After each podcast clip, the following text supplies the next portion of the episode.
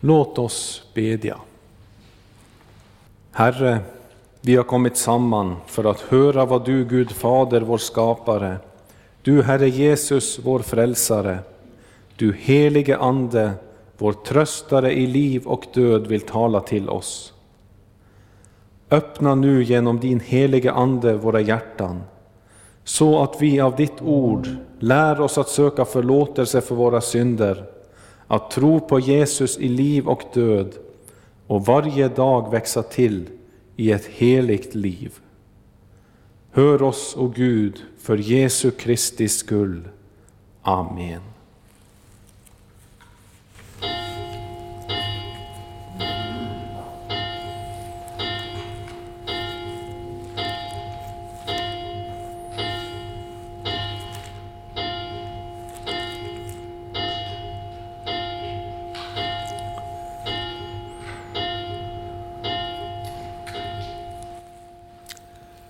Vi börjar med att sjunga på nummer en från vers 5.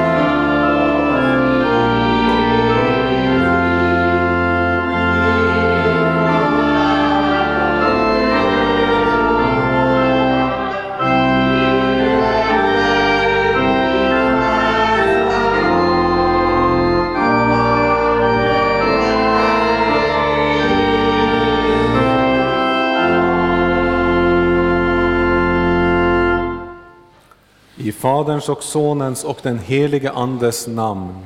Amen. Nåd vara med er och frid ifrån Gud vår Fader och Herren Jesus Kristus. Amen. Låt oss bedja. Rena, o Gud, våra hjärtan och samveten, så att din Son, när han kommer till oss, må i våra hjärtan finna en beredd boning genom samme din Son Jesus Kristus, vår Herre. Amen. I dagens evangelietext så står det Se, du skall bli havande och föda en son, och du ska ge honom namnet Jesus. Han skall bli stor och kallas den Högstes son, och Herren Gud skall ge honom hans fader Davids tron. Han skall vara konung över Jakobs hus för evigt, och hans rike skall aldrig få någon slut. Varje vecka så bekänner vi att Jesus har blivit avlat av den helige Ande och att han är född av en jungfru. Men detta är något som många idag tar anstöt av. Kanske mera än andra av de frälsningshistoriska händelser. Det att en jungfru blir med barn, det förstår man inte och det tycker man är konstigt, ja otroligt. Men det är ju lika stort att en människa blir till genom att en man och en kvinna kommer samman.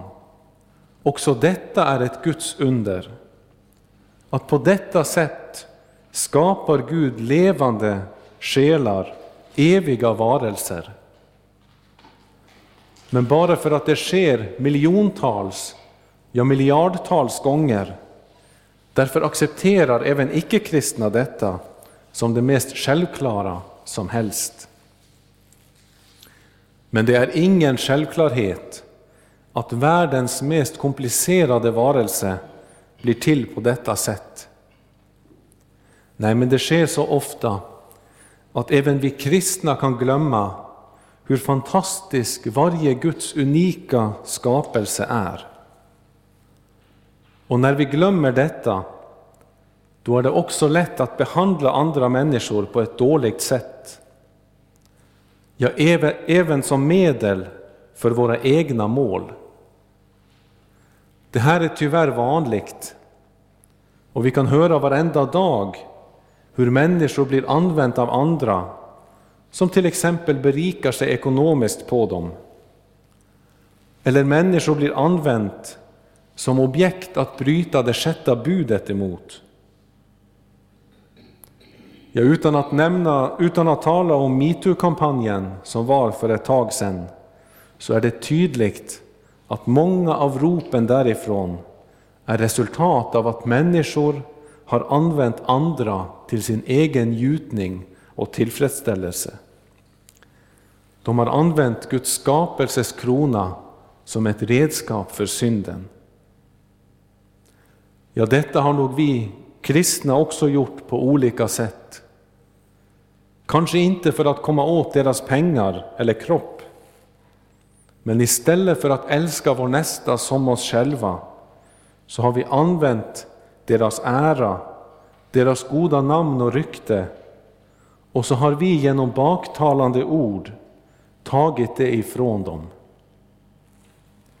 Hur många här idag kan säga att man inte med sitt baktalande har använt sitt nästas eh, ära och goda rykte som ett medel? Ja, Gud vet allt som vi har gjort. Vi själva vet något. Att istället för att tacka och prisa Gud för hans oändliga skapelses rikedom och förundra, utforska och glädjas över den, så blir vi istället otacksamma och tar det för givet och missbrukar det. Bara för att Gud ger så mycket så går det inflation och tappar värdet för oss. Och så blir det lätt med alla gåvor som Gud ger oss. Bara för att Gud är trofast och låter sin sol gå upp över onda och goda och att han gör detta varenda dag. Bara för att Gud mättar allt levande med sin nåd varje dag så blir vi lätt otacksamma och självgoda och tror att det är vår egen förtjänst att vi har mat, kläder, pengar, hus och så vidare. Ja, bara för att Gud fortsätter att ge oss sina gåvor utan uppehåll så ser vi på det som en självklarhet. Och vi glömmer lätt Gud och varken ärar eller tackar honom. Och detta är en stor synd, att inte ge Gud den ära och tack som rättmätigt tillkommer honom. Men detta som vi firar på Jungfru Marie bebådelsedag, att Jesus Kristus, Guds son, blev avlat av den helige Ande och fött av jungfrun Maria, det är avgörande, inte bara för vår enskilda kristna tro, men för hela kristenheten att det är sant. Ja, detta är den lösning som Gud av evighet har hittat som svar på människans synd, otacksamhet och död. Gud fick själv bli människa utan synd och leva så som vi skulle ha levt. Och eftersom detta ligger som grund för hela frälsningen, därför bryter vi idag av fastetiden för att fira bebådelsen. Den dagen när Gud lät detta stora under ske, när han själv steg ner till oss i det djupa mörkret och i allt blev lika med oss dock utan synd. Så mycket förnedrade han sig själv att han utstod döden på korset som en förbannelse för vår skull. Allt för att i kärlek till oss ge oss den hjälp som vi behöver. Ja, det stora med bebådelsen är inte Maria, inte heller att hon blev gravid som en jungfru, utan det stora som är till vår hjälp är att nu kommer den evige, den högste, Gud själv och stiger ner till oss syndiga människor. Ja, nu kommer han för vår skull på ett syndfritt sätt för att ta vår plats i domen som människa. Och detta gjorde han för att kunna skänka oss sin förlåtelse. När vi idag bekänner våra synder och samlas till nattvarden, så är det i förtröstan på frukterna av detta, att Guds son blev människa för vår skull. Låt oss inte tänka att det är över vårt förstånd och kasta det ifrån oss, utan låt oss vända oss till honom som förnedrade sig och som kom för, som människa för vår skull. Låt oss bekänna våra synder inför honom och låt oss sedan, såsom förlåtna, träda fram för att mota den kropp och det blod som han tog på sig när han inkarnerades, med vår mun, så att Jesu inkarnerade kropp blir en del av vår kropp och skänker oss syndernas förlåtelse, liv och salighet. Ja, låt oss be och bekänna. Jag, fattig, syndig människa, bekänner inför dig, helige och rättfärdige Gud, att jag som är född med synd på många sätt har brutit emot dig. Jag har inte älskat dig över allting och inte min nästa som mig själv. Mot dig och dina bud har jag syndat med tankar, ord och gärningar. Jag är värd att förkastas från ditt ansikte, om du skulle döma mig som mina synder har förtjänat. Men du, käre himmelske Fader, har lovat att med mildhet och nåd ta emot alla som vänder sig till dig. Du förlåter dem allt vad de har brutit och försummat och tänker inte mer på deras synder. Detta litar jag på när jag nu ber dig om förlåtelse för min frälsares Jesu Kristi skull.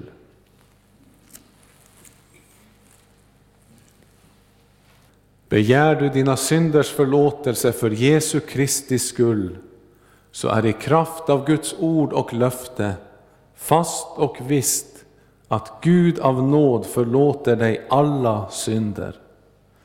Denna förlåtelse tillsäger jag dig på vår Herres Jesu Kristi befallning i Faderns och Sonens och den helige Andes namn. Amen.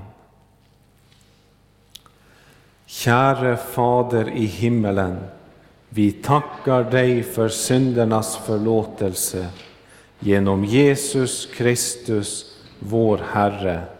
Amen.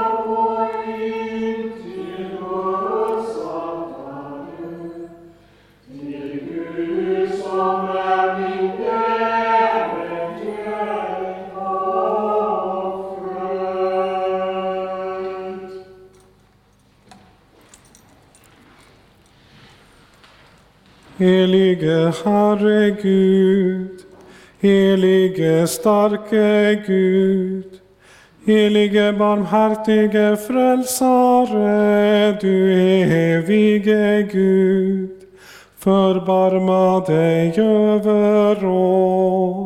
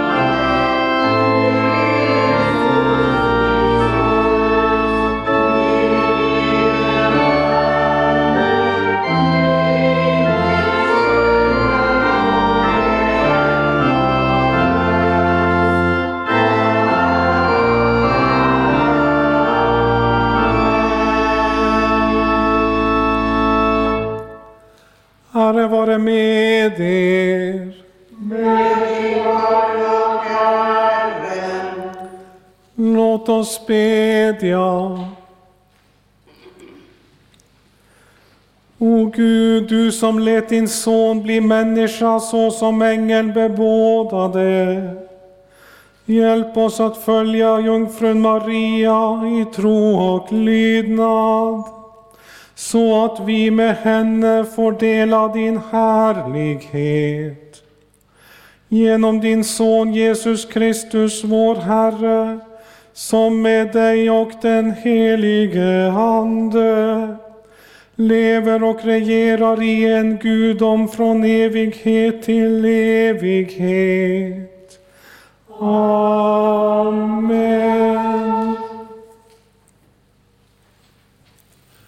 Hör Herrens ord på Jungfru Marias Jungfru Maria bebådelsedag, den första årgångens läsningar. Dagens gammeltestamentliga läsning är hämtad ifrån profeten Jesaja i det sjunde kapitel från vers 10. Herren talade ytterligare till Ahas och sade Begär ett tecken från Herren din Gud. Du må begära det antingen nerifrån djupet eller uppifrån höjden. Men Ahas svarade Jag begär inget, jag vill inte fresta Herren. Då sade han Så hör då, ni av Davids hus, är det inte nog att, vi, att ni sätter människors tålamod på prov? Vill ni också pröva min Guds tålamod? Så skall då Herren själv ge er ett tecken. Se, den unga kvinnan ska bli havande och föda en son, och hon ska ge honom namnet Immanuel. Så lyder Herrens ord. Gud, vi tackar dig.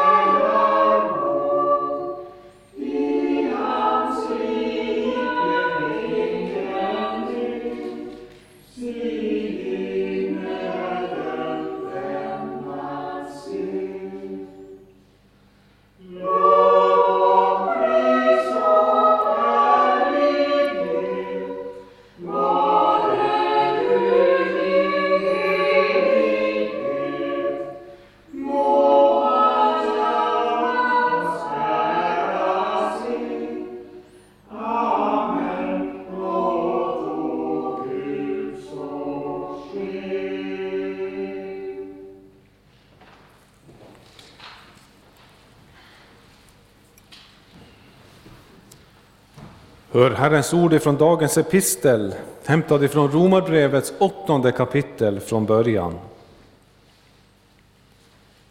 Nu blir det alltså ingen fällande dom för dem som tillhör Kristus Jesus. Ty den andliga lag som gäller för livet i Kristus Jesus har gjort mig fri från syndens och dödens lag. Det som lagen inte kunde göra eftersom den kom till korta inför vår kötsliga natur. Det gjorde Gud, då han lät sin egen son bli lik en syndfull människa och sände honom som ett syndoffer, dömde han synden i människan. Därmed kunde lagens krav på rättfärdighet uppfyllas hos oss som lever efter vår ande och inte efter vår kötsliga natur. Så lyder Herrens ord. Gud, vi tackar dig. Som gradualsalm sjunger vi 164.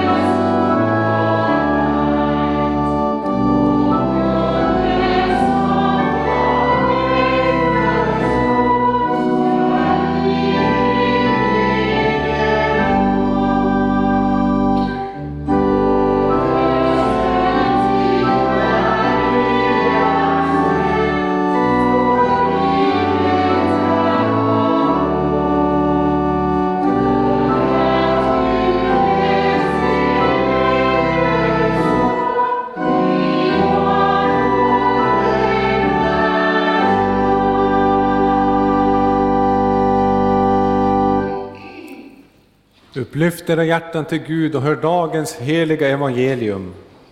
Så skriver evangelisten Lukas i det första kapitel från vers 26.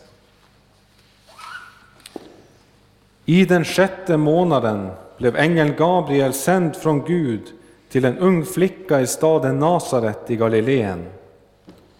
Hon hade trolovats med en man av Davids släkt som hette Josef och hennes namn var Maria. Ängeln kom in till henne och sade, Var hälsat, du högt benådade, Herren är med dig.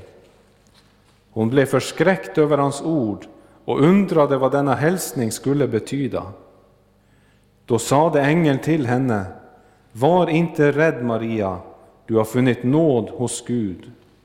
Du ska bli havande och föda en son, och du ska ge honom namnet Jesus. Han ska bli stor och kallas den Högstes son. Herren Gud skall ge honom hans fader Davids tron, och han skall härska över Jakobs hus för evigt, och hans välde skall aldrig ta slut. Maria sade till ängeln, hur skall detta ske? Jag har ju aldrig haft någon man. Men ängeln svarade henne, Helig ande ska komma över dig och den Högstes kraft ska vila över dig.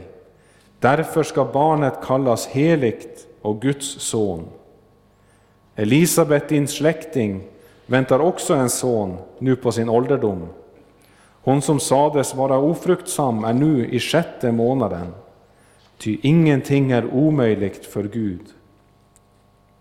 Maria sade, jag är Herrens tjänarinna, må det ske med mig som du har sagt. Och ängeln lämnade henne. Så lyder det heliga evangeliet. Lovat vare du, Kristus.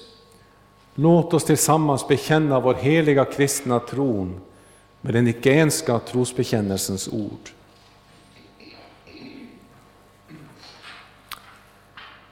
Jag tror på en enda Gud, allsmäktig Fader, skapare av himmel och jord, av allt vad synligt och osynligt är, och på en enda Herre, Jesus Kristus, Guds enfödde Son, född av Fadern före all tid, Gud av Gud, ljus av ljus, sann Gud av sann Gud, född och icke skapat, av samma väsen som Fadern, på honom genom vilken allting är skapat, som för oss människor och för vår salighets skull har stigit ner från himlen och tagit mandom genom den helige Ande av jungfrun Maria och blivit människa,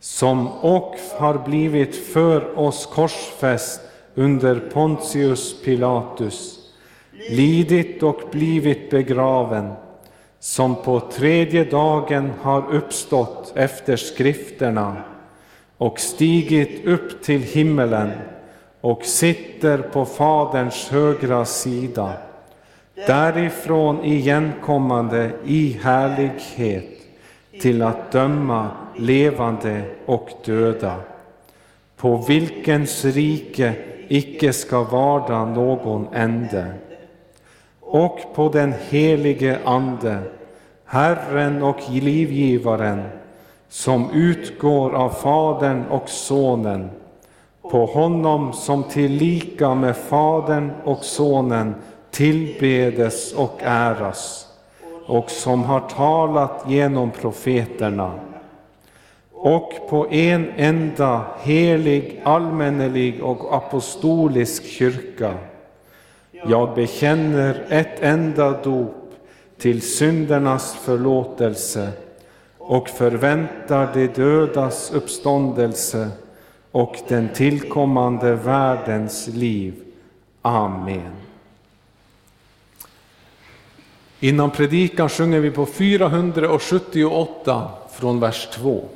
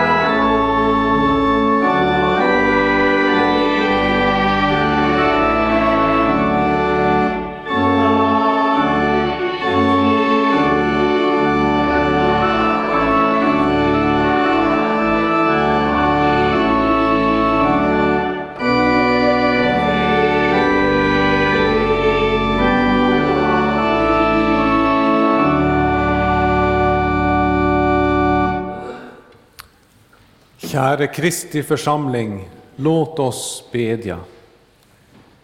Allsmäktige himmelske Fader, tack för att du sänder din son som människa för att göra allt det som vi skulle ha gjort och för att lida allt det som vi förtjänade. Ge oss nåd att likt Maria ta emot ditt ord i våra hjärtan och grunna på det. Låt det få bära frukt för oss till evigt liv. För din Son, vår Herres Jesu Kristi skull ber vi. Amen. Som vi hörde i skriftetalet så bryter vi idag av fastan för att höra om Jesu inkarnation, hur Jesus, Guds evige son, blev människa. Och det skedde inte vid förlossningen, utan det skedde vid konceptionen. Och detta stora budskap som vi hör om idag, det hänger nära ihop med påskens budskap. För om Jesus skulle kunna dö och uppstå för vår skull, så var det nödvändigt att han först blev människa. Ja, om han skulle i vårt ställe gå in i förbannelsens mörker, så var det också nödvändigt att han blev en människa utan synd. Och eftersom alla barn som blir till på naturligt sätt bär med sig synden i sitt hjärta, som de ärver från Adam. Därför var det nödvändigt att Jesus blev avlat av den heliga Ande och inte genom två människor. I dagens evangelium får vi höra hur detta går till, hur Gud skickar bud till Maria om detta stora som skall hända. Och vi ska höra om detta i tre delar. För det första vad det vill säga att Maria var benådad och hade funnit nåd hos Herren. För det andra vad ängeln säger om detta barn som Maria ska bli mor till. Och för det tredje det rätta sättet att ta emot Guds ord. Och vi ska använda Maria som ett exempel. Vi börjar med Maria såsom benådad. Vi läste att ängeln Gabriel kom in till Maria och hälsade henne med orden Gläd dig, du benådade. Därefter, när hon blev förskräckt över hans ord, sade han Frukta inte, Maria, du har funnit nåd hos Gud. Två gånger får vi alltså höra att Maria är benådad och har funnit nåd hos Gud. Och detta är viktiga, avgörande ord. För dessa ord visar nämligen att Maria, på samma sätt som vi alla, inte är rättfärdig i sig själv. Det vill säga, om Gud hade kommit till Maria utan att först tänka på henne i nåd, utan att först vända bort sin vrede från hennes synder, så hade ängeln behövt komma till henne på samma sätt som över Sodom och Gomorra, det vill säga med eld och svavel med fördömelse. Men ängeln kommer inte på detta sätt till Maria, utan han kommer till henne med fred och förkunnar henne ett glädjebudskap från Herren. Maria ska glädja sig därför att Gud inte handlar med henne efter hennes egna gärningar, utan hon har funnit, funnit nåd hos Gud. Och att finna nåd, det vill säga att man för Guds skull får något som han inte har förtjänat. Maria får ett glädjebud istället för dom, därför att Gud själv har gjort något som låter henne stå i en benådad ställning. Hon har inte gjort något och ingen kristen människa på jorden har någonsin gjort något för att få stå i denna benådade ställning. Utan Gud har avvänt vreden. Det är Gud som är grunden och orsaken till att han kan möta Maria och oss alla som tror på Jesus med nåd. Det som Gud har gjort är att från evighet av bestämma sig för att sända sin son till jorden så att han kunde bli straffad i vårt ställe. På grundlag av detta kunde Gud skänka sin nåd till människor även innan hans son blev människa. För detta som Jesus uppfyllde på korset, det hade en tillbakaverkande kraft. Eller rättare sagt, de som trodde på Guds offerlamm i det gamla förbund, de trodde egentligen på det som Gud i Kristus skulle göra. Och eftersom Gud visste att han i framtiden skulle låta sin egen son bli människa och att han i Jesus Kristus kom att få betalning för alla människors synder. Därför kunde han redan innan sonen hade kommit som människa börja dela ut frukterna av denna gärning. Det var detta som gjorde att Gud inte behövde förgöra de människor som i tro på Davids son förlitade sig på sina synders förlåtelse. Utan han kunde på grund av detta framtidiga offer möta dem med nåd och han kunde hälsa dem så som han låter sin ängel Gabriel göra det med Maria, med glädjebud. Ja, på detta sätt möter alltså, mötte alltså Gud det troende i det gamla förbunds tid, helt fram tills Jesus stod på korset för våra synders skull och uppväcktes till vår rättfärdiggörelses skull. Och på detta sätt fortsätter Gud att möta troende människor på efter att Sonen har kommit. Och denna Guds nådiga vilja har alltid varit att komma med goda nyheter till oss som allihopa har varit hans fiender. Men som grund för att Gud kan visa oss denna nåd så ligger det verk som ängeln förkunnar för Maria. Ja, det är förunderligt att tänka på att det som ängeln förkunnar för Maria om den heliga Andes gärning i hennes kropp, det är detta som ligger till grund för att ängeln kunde hälsa henne med nåd. Och som vi har hört, det är enbart Gud som har gjort detta möjligt. Det är han som har gjort det allsammans. Och det är detta hans verk som han nu vill göra känd för Maria och för hela världen. Att han inte vill fördöma människor, utan han vill att han i sin son ska kunna se på dem som är i honom med glädje. Han kommer inte döma de skyldiga som i sin nöd tar sin tillflykt till Jesus. Nej, de som finns i Kristus de är så som Maria benådad. Och de har en nådig Gud som hälsar dem med goda nyheter. Därför slipper vi frukta för vilket budskap Gud har att möta oss med. Vi slipper att förskräckas när Gud skickar människor i vår väg med sitt ord, eller när vi hör honom själv i, i sitt ord.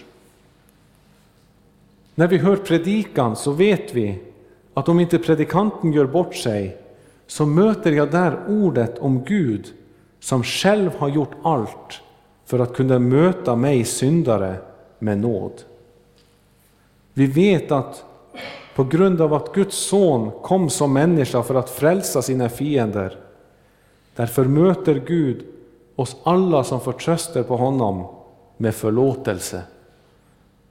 Och som vår gode fader skänker han oss frukterna av sin egen gärning. Ja, detta ger oss en trygghet och glädje när vi kommer till gudstjänsten. Vi vet att det är den försonade Gud som möter oss här och som vill handla med oss efter sitt förbarmande. Det gäller för Maria och för oss syndare som han vill kalla in i sitt rike. För även om det enda som står om Maria är att hon är jungfru, så vill inte det säga att hon av sig själv var ren i Guds ögon på alla andra sätt. Nej, vi ser just av hennes egen lovsång att hon ger Gud all ära för det goda som blir gjort mot henne. Hon förtjänar det inte, utan hon får det gratis för Guds skull. Detta vet hon och detta vet Gud, som efter Adams fall förkunnade om kvinnans avkomma som skulle krossa ormens huvud. Denna profetia låg till grund för att Gud kunde visa nåd till Maria. Det var detta som Gud nu skulle uppfylla genom henne. Och det ska vi nu för det andra höra, vad ängeln säger om detta barn som Maria ska vara mor till.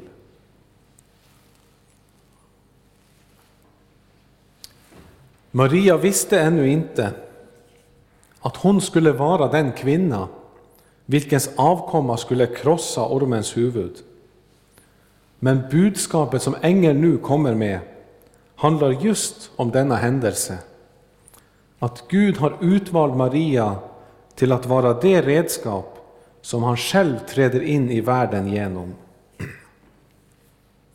Och I dagens gammaltestamentliga läsning får vi höra profeterat om just detta.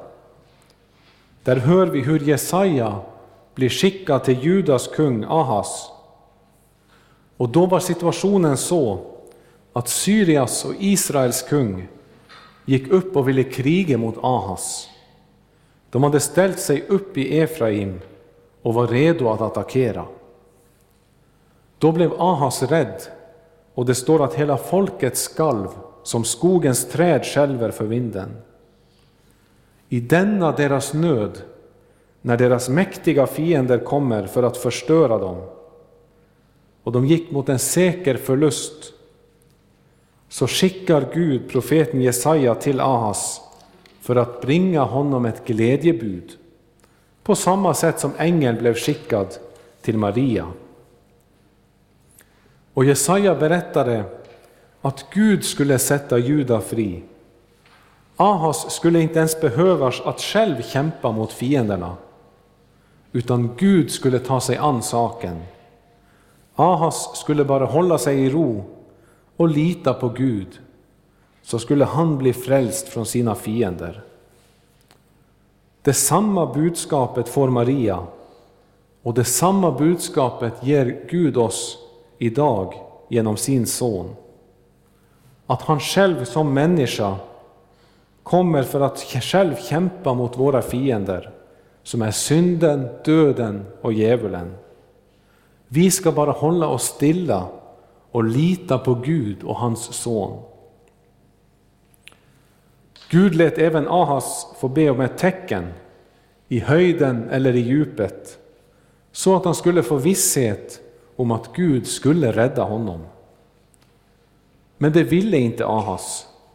För att be om ett, genom att be om ett tecken så gick Ahas egna planer, upphörde de. Och då gick Ahas med på Guds planer och Guds sätt att agera. Och det gjorde att Ahas inte fick beskydda sig själv så som han hade tänkt. Utan det försvar som han hade planerat, det kunde han då inte använda. För så som vi alla gör så ofta, så förlitade Ahas sig mer på sin egen kraft och sina egna vapen än på Gud. Därför låtsades han med falsk ödmjukhet, som om han inte ville fresta Herren. Och vi kan ju tänka på Jesu ord, att det är ett ont släkte som kräver ett tecken. Ahas låtsades vara from och ville därför inte be om ett tecken, även om det egentligen bara var otron som låg bakom. För när Gud erbjuder ett tecken, då är det inte fel. Men på trots av Ahases ord så ger Gud ändå ett tecken till Davids hus på att han skall befria dem från fienderna. Det är den profetian som dagens evangelium uppfyller. Se, jungfrun ska bli havande och föda en son, och hon skall ge honom namnet Immanuel. Denna profetia blev given för att Ahas skulle få visshet om seger över sina jordiska fiender. Men samma profetia ger oss visshet om en evig hjälp ifrån alla våra fiender. För när Jesus blir avlat av den helige Ande och född av jungfru Maria, då får vi veta att denna son inte enbart är Immanuel, Gud med oss, i vilken som helst mening, utan jungfru Maria får ett tydligare budskap än Ahas. För barnet skulle kallas Jesus. Och som vi läser hos Matteus så betyder det att Herren ska frälsa sitt folk från deras synder. Ja, sonen kallas det som han är, något som är vanligt i Bibeln, att människorna är det som de heter. Jesu namn betyder den som Herren Gud ska bringa frälsning igenom, och det är han också. Men ängeln säger mera till Maria. Han säger att Jesus även ska kallas den Högstes son, alltså Guds son. Det vill säga att Jesus inte enbart ska vara en människa som skulle födas, utan nu skulle Gud, den Högste, själv födas som människa. Och denna Guds son skulle få sin fader Davids tron och han skulle vara kung över Jakobs hus för evigt. Aldrig ska hans herredöme ta slut. Nej, nu ska inte Immanuel bara segra i en enkel strid för folket, utan Jesus är en evig segrande kung över Jakobs hus, över Guds Israel, Abrahams barn genom tron. Och denna kung är insatt av Gud själv. Det var Herren Gud som gav honom Davids tron.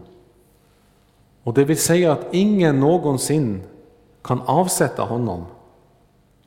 Utan sonen har fått kungamakten av Gud. Och därför finns det bara två sätt att möta denna kung. Antingen mottar, godtar man hans kungavärdighet och blir hans undersåte. Eller så står man emot honom till sin egen undergång. Båda alternativen får eviga följder eftersom detta riket aldrig ska få sitt slut. Om man, tar, om man står emot och vill leva sitt eget liv utan att låta sig ledas av kungen och hans ord, så blir det en evig undergång. Och tvärtom, om man erkänner Herren som kung, så att man följer hans ord, som vi senare ska höra att Maria gjorde det, då blir man undersåte i detta rike för evig tid. Och detta kungarike är ett rike av kungar. Därför är Herren faktiskt kungarnas kung för evig tid. Och det är stort, för djävulen kallas för denna världens förste. Men han som är kungarnas kung, han står högt över denna förste. Och djävulen kallas för denna världens Gud. Men Jesus är inte bara denna världens Gud, utan han är himmelens Guds egen son. Därför Även om djävulen är starkare än människorna och därmed kan segra emot oss alla, så kan han inte stå emot denna människa som är kungarnas kung och evig Gud.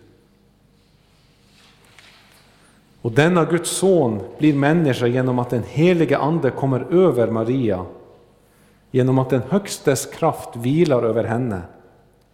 Därför ska barnet kallas heligt, och Guds son. Alla vi som inte är avlat på detta sätt, utan vi som har en jordisk far och mor, vi kallas inte heliga av oss själva. Men Jesus, han som blev avlat av den helige Ande, han var fullt och helt helig och ren, helt olik oss andra. När vi föds på nytt genom honom så blir vi heliga och rena.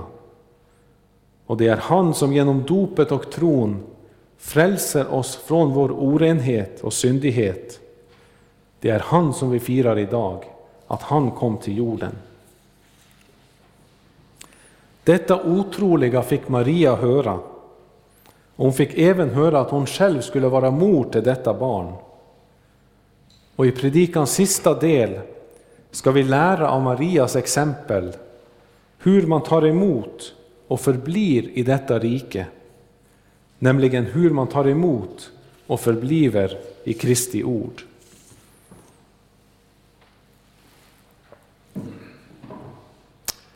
Och vi har sett att det är Jesu död för våra synder som ligger till grund, både för att Maria och vi kan mötas av Guds nåd. Sakarias, som frågade ängeln efter ett tecken eftersom han inte litade på Gud, han blev stum därför att han inte trodde Guds ord. Men också Maria ställer en fråga till ängeln om hur detta stora ska gå till eftersom hon inte känner någon man. Men denna fråga är inte ställd i otro, så som Sakarias. Felet kommer när vi tycker att det inte räcker med Guds ord och när vi likt Thomas inte vill tro på Guds ord och därför sätter upp egna krav för att tro. Detta är synd och farligt. Men att vi, så som Maria, helt enkelt inte kan förstå vad det är Gud har tänkt att göra. Och att vi likt henne undrar över något, det är inte farligt. Några gånger får vi svar, andra gånger inte. Men det som vi ser hos Maria som är så, och som är föredömligt, det är att hon tar emot Guds ord även om hon inte förstår det. Hon får svaret att den helige Ande ska komma över henne och att ingenting är omöjligt för Gud. Även om hon inte förstår detta så säger hon Se, jag är Herrens tjänarinna, må det ske med mig som du har sagt. Vilket svar! Detta är att följa Jesus, så som han själv säger att mina får hör min röst de gör efter ordet, de förbliver i det, håller fast på det. Ja, de bevarar det i sitt hjärta så som Maria. Även om Maria, såsom gravid utanför äktenskapet, ser fram emot en utstötning av samhället, även om hon ser fram emot en avbrutit trolovning, som på den tiden var lagligt bindande, Ja, även om Maria såg fram emot en framtid med dåligt rykte, skam och ensamhet, både för sig själv och sin son, så säger hon, se, jag är Herrens tjänarinna, må det ske med mig som du har sagt. Dessa svåra saker var inget som avskräckade henne från att ta emot Guds ord, för hon trodde likt Abraham, att för Gud är inget omöjligt. Ja, för även om Maria såg fram emot ett liv med kors och svårigheter, så såg hon också fram emot den tillkommande tidsåldern. Hon lät inte denna världens möda stå i vägen för hennes förhållande till sin Herre. Och så ska vi alla ta emot Guds ord för när Gud skickar svårigheter i vårt liv så har han en mening med det.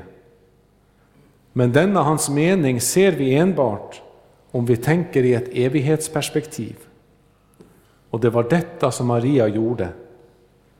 För om hon hade, enbart hade haft detta livet i åtanke så hade det varit löjligt att gå med på ängelns ord. Då kunde hon ha sagt som Paulus att om de döda inte uppstår, låt oss äta och dricka, ty imorgon dör vi. Men det gjorde hon inte. utan hon visste att en kort tid med svårigheter här i tiden inte är för något att räkna gentemot en evighet med glädje i Kristi rike. Ja, det kan vara lätt att förkunna om detta och det kan vara lätt att sitta och lyssna på detta. Men när svårigheterna kommer och vi måste lida för vår bekännelse, då blir det något annat. Då blir det nog inte alltid så lätt. För det var nog inte lätt för Maria som svarade så fint och ödmjukt. Det var inte lätt för henne när ett svärd skulle genomborra hennes själ. Men allt detta kan man möta när man kommer ihåg det som Gud började med i sitt tilltal till Maria. När han sade Gläd dig, du benådade, Herren är med dig. Här ligger nyckeln till att kunna möta svårigheterna och lidelserna när de kommer. När vi har Herren med oss, då får vi möta lidelserna och svårigheterna så som benådade människor. Får vi nåd att tro detta, att vara vissa om detta, att Herren själv är med oss, då må det möta oss vad det vill. För om Herren är med oss, vad kan då skada oss? Vad kan denna världens furste och denna världens Gud göra emot den som har den högste evige Gud, kungarnas kung, med sig? Nej, ingenting. Gud har avlat oss allihopa och har varit med och mött oss med nåd från och med avlelsen av. Just på grund av att han som ska bli stor, Guds son, dog för våra synder och öppnade vägen för oss in i hans evige rike genom tron. Det är därför som Gud kan möta oss med nåd och möter oss med nåd och låter sin son vara med oss. För Herren är inte enbart med Maria, utan Herren är med alla som tror på honom. Och det är han alltid, både när vi har det gott och glädjer oss i Herren och lovsjunger hans namn, men också när vi har det svårt och glädjer oss i Herren och lovsjunger hans namn. Så som vi gjorde i början av vår gudstjänst. Det kan vi alltid göra oavsett hur det går med oss mänskligt sett. För Herrens lov blir kanske störst just när vi likt Maria inte vet hur framtiden ska se ut och vi ändå håller fast på löftet om Immanuel, Gud med oss.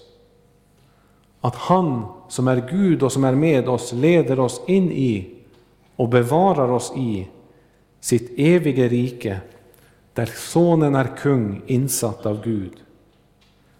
Må du, Herre, bevara oss alla att likt Maria i förtröstan på din nåd och hjälp alltid hållas fast i lydighet gentemot ditt eviga ord. Lovat vare Gud och välsignat i evighet, som med sitt ord tröstar, lär, förmanar och varnar oss. Helige Ande, skriv ordet i våra hjärtan, så att vi inte blir glömska hörare, utan varje dag växer till i tro, hopp, kärlek och tålamod intill tidens slut och blir saliga. Genom Jesus Kristus, vår Herre. Amen. Innan vi sjunger psalm 33 och hoppets Gud uppfylla er med all glädje och frid i tron, så att ni har ett överflödande hopp i den helige Andes kraft. Amen.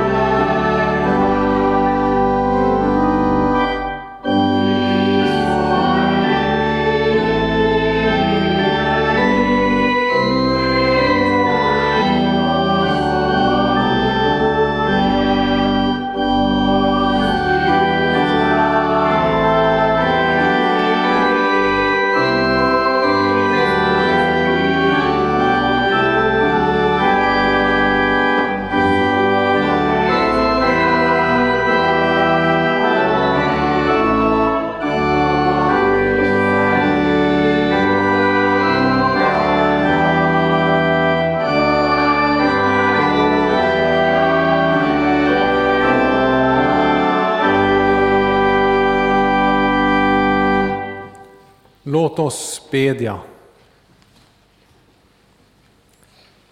Herre vår Gud och Fader, lös din kyrka från allt ont. Styrk och bevara din församling genom ordet och sakramenten till att växa i din kärlek. Välsigna kyrkans tjänare och deras arbete.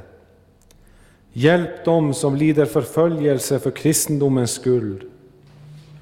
Låt Kristi evangelium bli predikat bland alla folk och samla dina trogna från alla länder till ditt himmelska rike.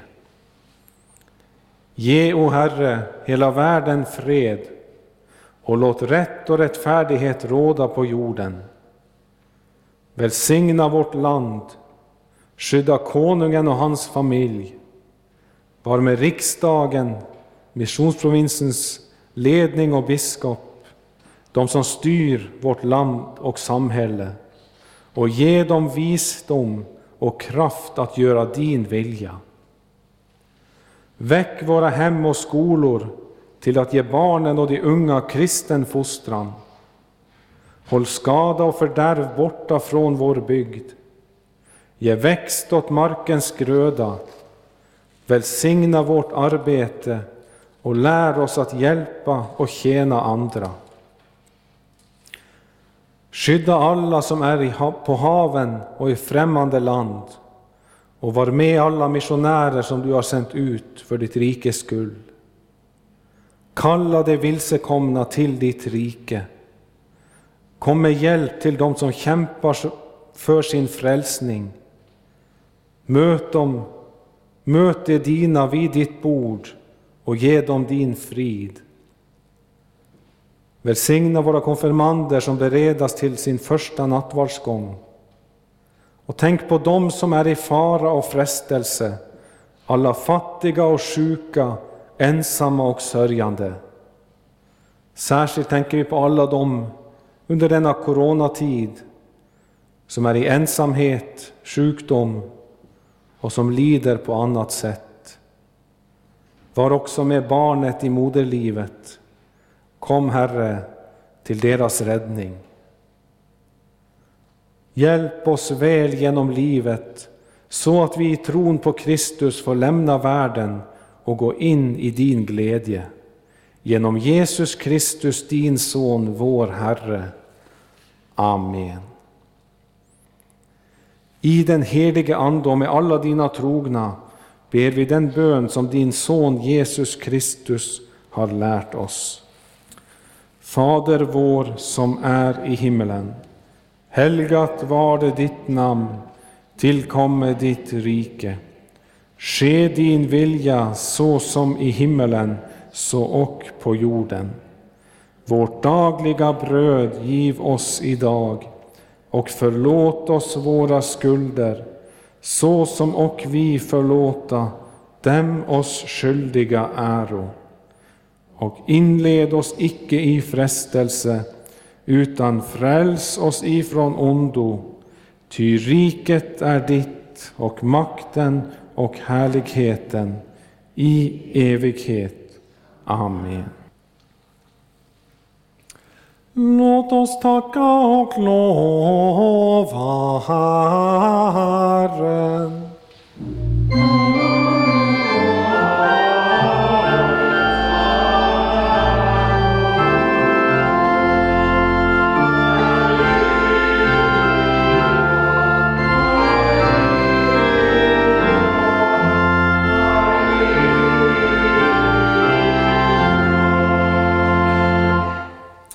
Tag emot Herrens välsignelse.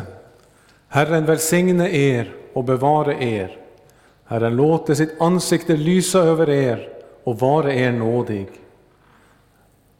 Herren vände sitt ansikte till er och give er frid. I Faderns och Sonens och den helige Andes namn.